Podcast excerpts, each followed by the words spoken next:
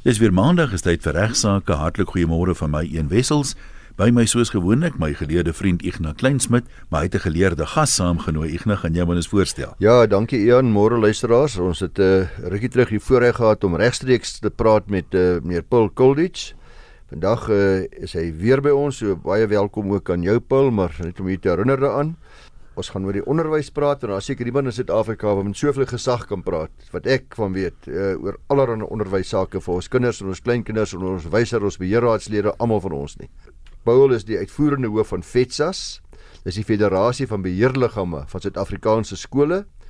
Uh en hy was ook lank voor was hy 'n voorsitter gewees. Hy is nou uitvoerende hoof.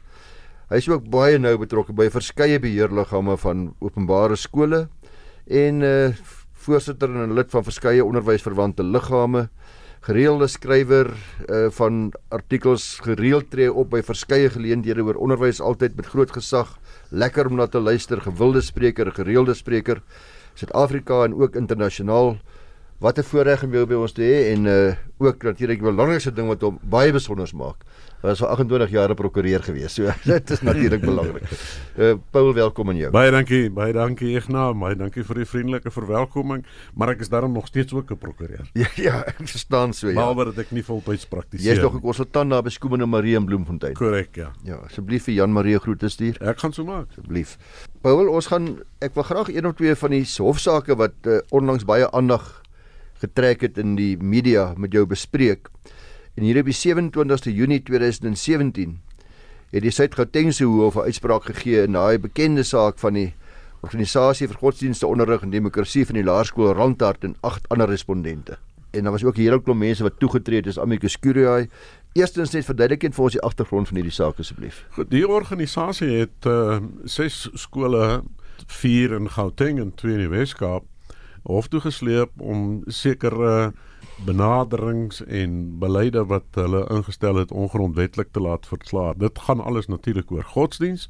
Dit was in twee dele. Die een deel het gegaan om uh bepaalde beleide ongrondwettig te verklaar en dan 'n interdik te kry 71 interdikte om die waarheid te sê teen elk van die ses skole met betrekking tot praktyke wat gevolg is om te hulle te verbied om daardie praktyke te volg. En dit wissel van byvoorbeeld uh, dat die kinders saam bid voor 'n rugbywedstryd of die besit van boeke met 'n Christelike inslag.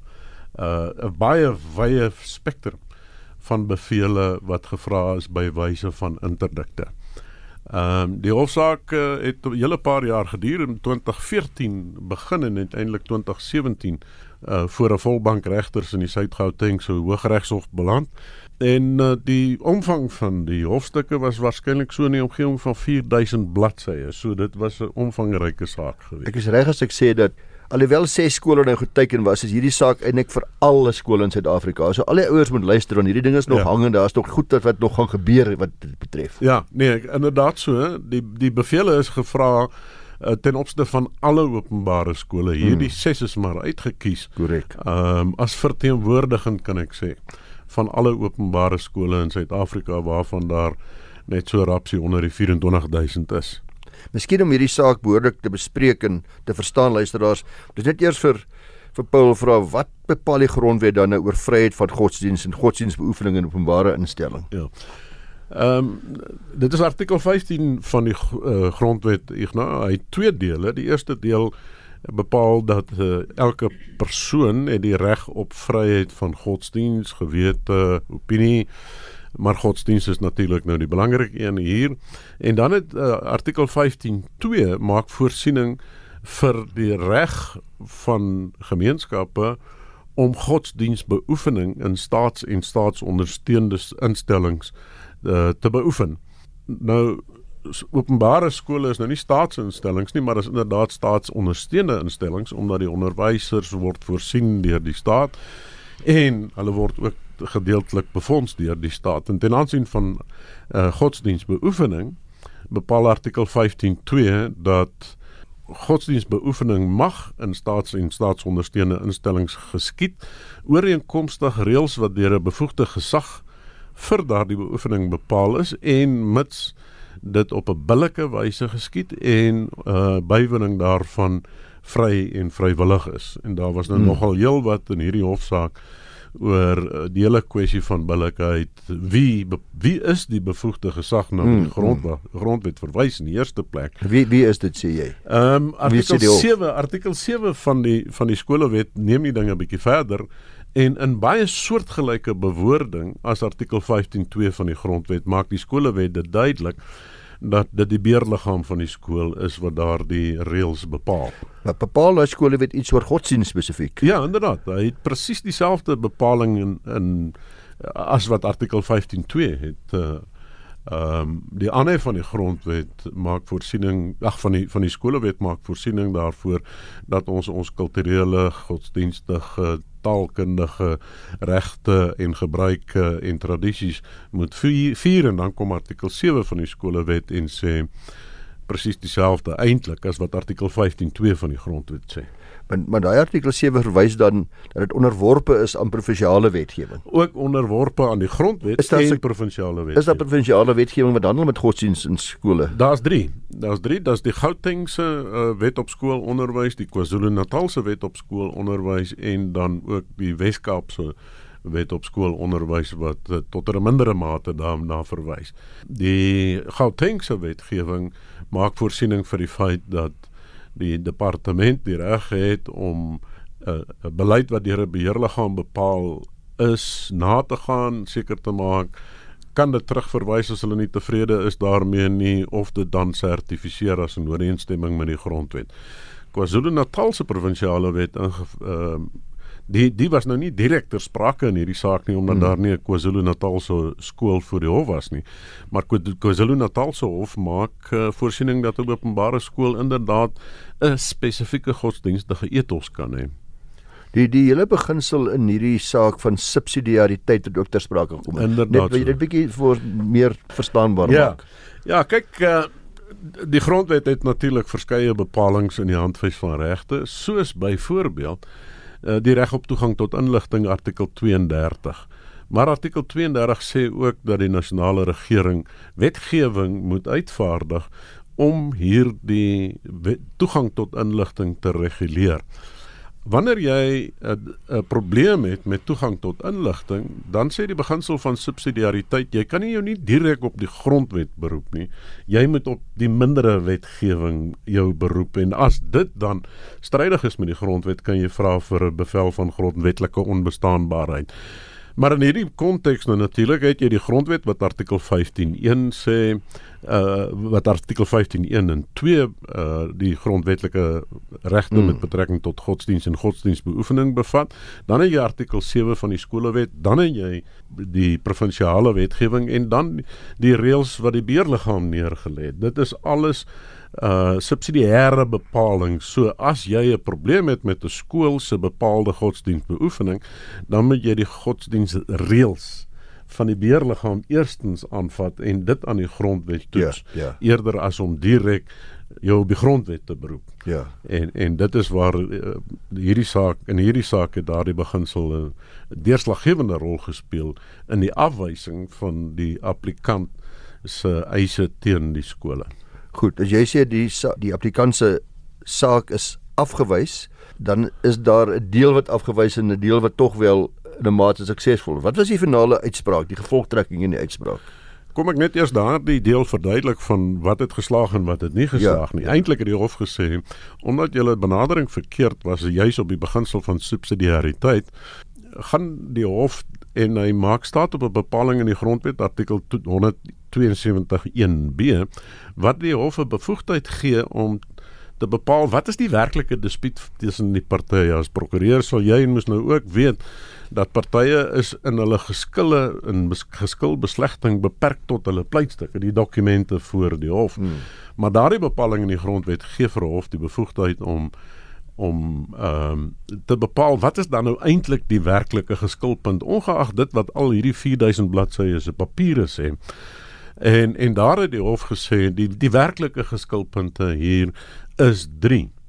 En ehm um, op sterkte van die hof se eie opsomming van die werklike geskilpunte is die beslissing gegee. Nou die beslissing is natuurlik in Engels gegee, maar kortom sê dit die volgende: 'n skool mag nie as 'n skool toelaat, ook sy personeel toelaat om voor te hou dat die betrokke skool 'n skool is wat 'n bepaalde godsdienstige of godsdienstige oortuiging of godsdiens tot uitsluiting van ander godsdienste bevorder nie. En dat die, die tweede deel dan nou dat dit die belange van 'n bepaalde godsdiens uh ten gunste of ten koste van uh, ander godsdienste sal bevorder nie.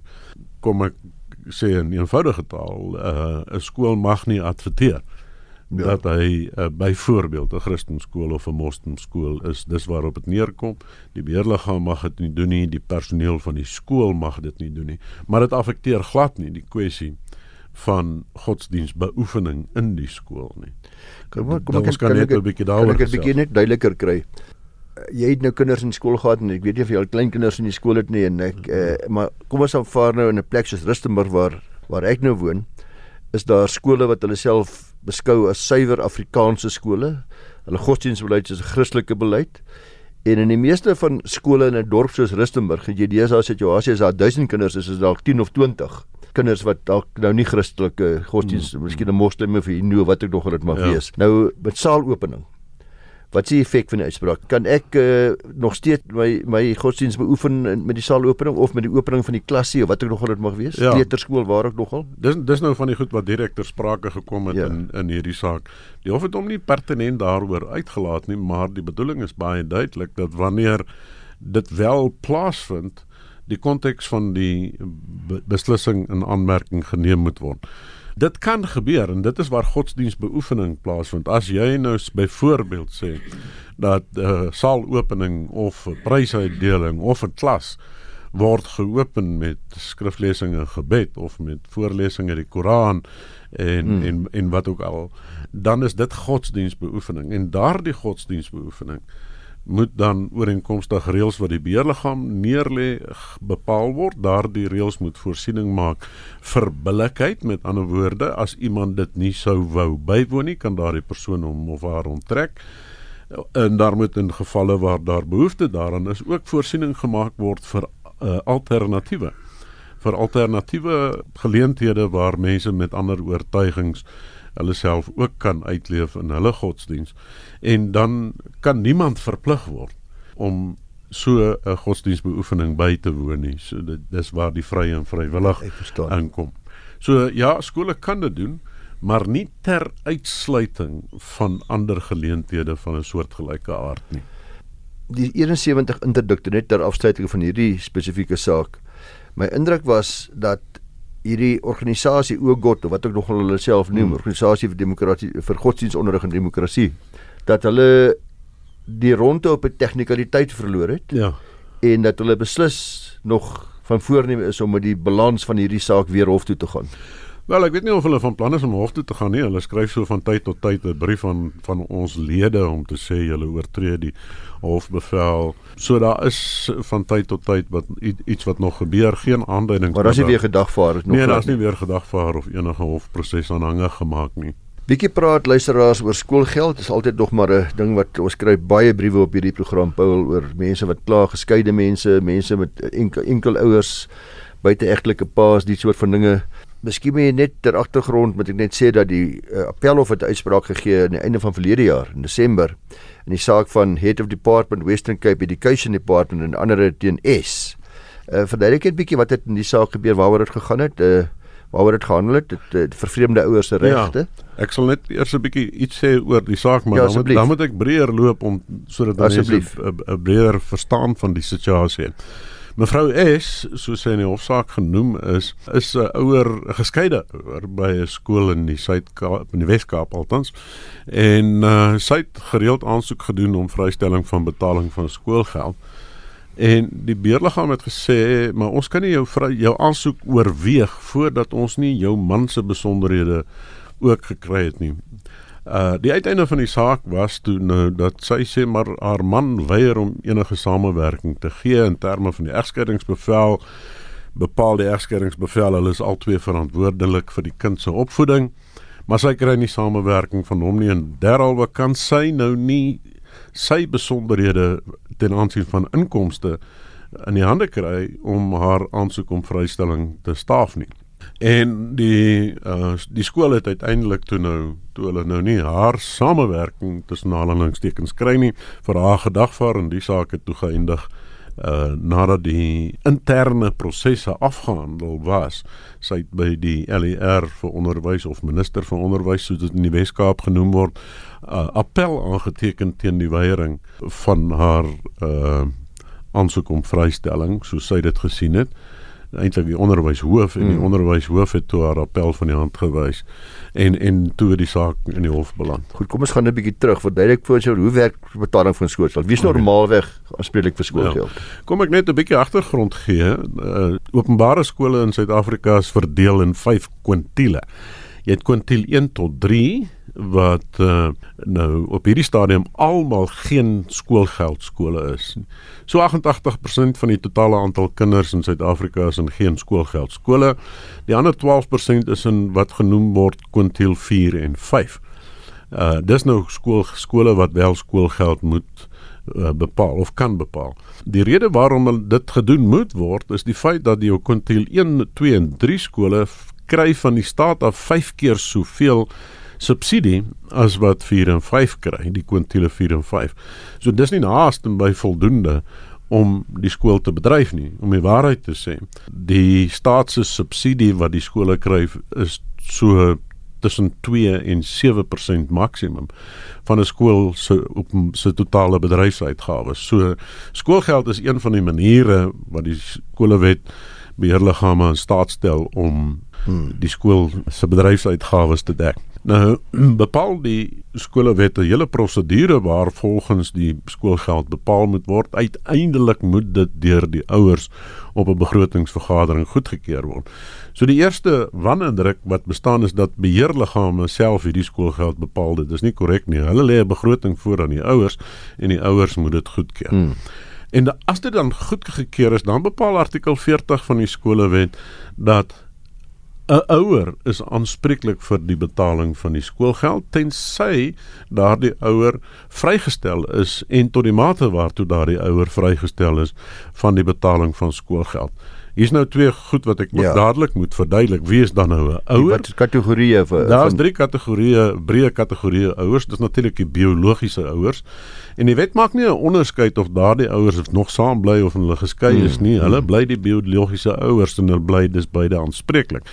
Dan is daar aannemende ouers wat op dieselfde grondslag hanteer word as biologiese ouers. Die tweede kategorie is daardie ouers wat die verantwoordelikheid deur die reg opgelê word wat 'n ouer vir 'n kind het, soos byvoorbeeld pleegouers uh, wat ja. deur 'n hof uh, aangestel word en dan die derde een is enige persoon wat teenoor die skool die verantwoordelikheid aanvaar vir die opvoeding van 'n kind wat 'n ouer normaalweg teenoor die skool sou ja. hê.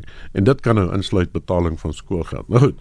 Nou is die ouer aanspreeklik vir betaling van skoolgeld en dan is daar regulasies vir vrystelling van betaling van skoolgeld. Daar's weer kategorieë. Daar's weer kategorieë. Daar is basies vier kategorieë. Voor ek daarby kom dat ek net so verduidelik, ehm uh, ouers kan aansoek doen om vrystelling vir betaling van skoolgeld as hulle die skoolgeld nie kan bekostig nie en daardie vrystelling word beoordeel aan die hand van die gesamentlike jaarlikse bruto inkomste van die ouers. So ongeag of hulle by mekaar woon en of hulle geskei is, hulle albei se gesamentlike bruto jaarlikse inkomste word in aanmerking geneem. Kan ek jou in rede val? Hy middele toets wat daarso is dit eh, word dit die skool bepaal of deur die departement bepaal? Nee, die die toets is in die regulasies voor regulasies is dit ja. okay. As jy dan nou as jou totale kom ons veronderstel die jaarlikse skoolgeld is R5000 as die gesamentlike bruto inkomste van die ouers minder is as 10 maal met ander woorde R50000 sal die ouer geregtig wees op algehele uh, vrystelling die ouers. Dan is die tweede een is gedeeltelike vrystelling waar dit is tussen 10 maal en 30 maal met ander woorde as die gesamentlike bruto inkomste minder as 150 000 rand is, dan sal die ouers geregtig wees op 'n glyskaal wat in die regulasies voorgeskryf is op gedeeltelike vrystelling. Daar's ook outomatiese vrystelling, sekere mense wat outomaties vrygestel is soos pleegouers en dis meer uh, mense wat 'n toelaag ontvang om na kinders om te sien, mense wat na weeskinders omsien uh uh hulle is outomaties vrygestel. En dan kry jy voorwaardelike vrystelling waar 'n ouer op die hoog af kwalifiseer en dan voorwaardelik vrystelling kry op voorwaarde dat sekere uh, toekomstige gebeure dalk mag plaasvind of nie mag plaasvind nie. Nou wat mevrou S in hierdie geval uh, haar situasie was, sy sê sy kry nie samewerking vir haar man nie, die beheerliggaam sit hier eintlik uh, met sy hande agter sy rug vasgemaak ja. want dit moet teenoor die al die ouers van die skool geregverdig word dat julle as beheerliggaam wel oorweeg het wat is die gesamentlike bruto inkomste van hierdie twee ouers? Maar julle mm. sit net met die een ouer se se inkomste. So dit was so 'n bietjie van 'n situasie waarin die uh, mense in 'n net dank vasgevang was.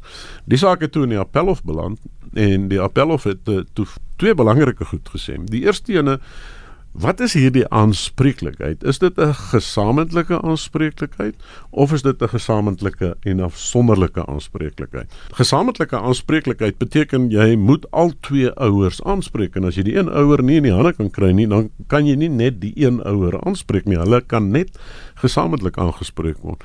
Gesamentlik en afsonderlike aanspreeklikheid beteken dat as jy hulle nie gesamentlik aangespreek kan kry nie, dan kan jy hulle afsonderlik aanspreek. So mevrou kan mevrou S in hierdie besondere geval alleen aanspreek vir 100% van die skool. Vir 100% en sy kan dan 'n uh, regres eis hê mm. Uh, vir 'n bydrae ja. van haar gewese man.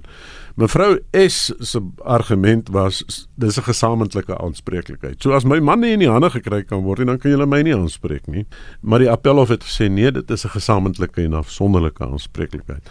Maar mevrou S is nie in koue water gelaat nie. Hmm. Die hof het gesê waar die ouer 'n 'n ouer kan aantoon dat hy of sy nie samewerking kry van die ander ouer en nie in staat is om die ander ouers se besonderhede te verkry nie, dan moet die aansoek oorweeg word op daardie enkele ouers se besonderhede en sy is dan geregtig op voorwaardelike vrystelling. Met ander woorde, uh, as haar inkomste dan sodanig is dat sy buite die glyskale val in die toekoms, dan sal die uh, vrystelling wegval of as haar man se besonderhede een of ander tyd bekom word, dan sal die vrystelling ook wegval indien dit meer is as waarop hulle geregtig is vir vrystelling. Wat 'n billike uitspraak is, nee. Ek dink is 'n baie billike uitspraak. So, ja. Daar's nou 'n interessante uh, aspek um, en dit is dat die feit dat die vrou nou vrystelling gekry het, beteken nie die man is ook in die proses vrygestel nie.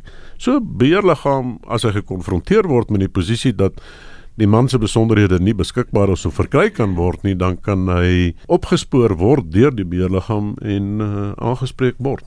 Ek nou dit is min of meer waarvoor ons gaan tyd hê gaan ons by 'n volgende geleentheid dalk verder kan gesels met Paul. Ek hoop Paul gaan beskikbaar wees dalk tog vir 'n vir 'n deel van 'n program of 'n volle program selfs. Ek het nog 'n paar vrae wat ek graag vir ons wou vra. Nou maar goed, dan sien ons op die stadium eers baie dankie vir julle albei. Onthou jy kan jou regsvrae vir regsaake direk vir Ignas stuur Ignas by 44D www.co.za en al die vorige programme van regsaake as jy nie regstreeks kon luister nie is op RSG se webwerf beskikbaar as potgoeie. Gaan na www.rsg.co.za klik bo in die bladsy op potgoeie dan gebruik jy regsaake as soekwoord of as sleutelwoord en dan sal jy al die programme daar sien met 'n kort opsomming van elkeen se inhoud. Mooi bly ons gesels volgende maandag weer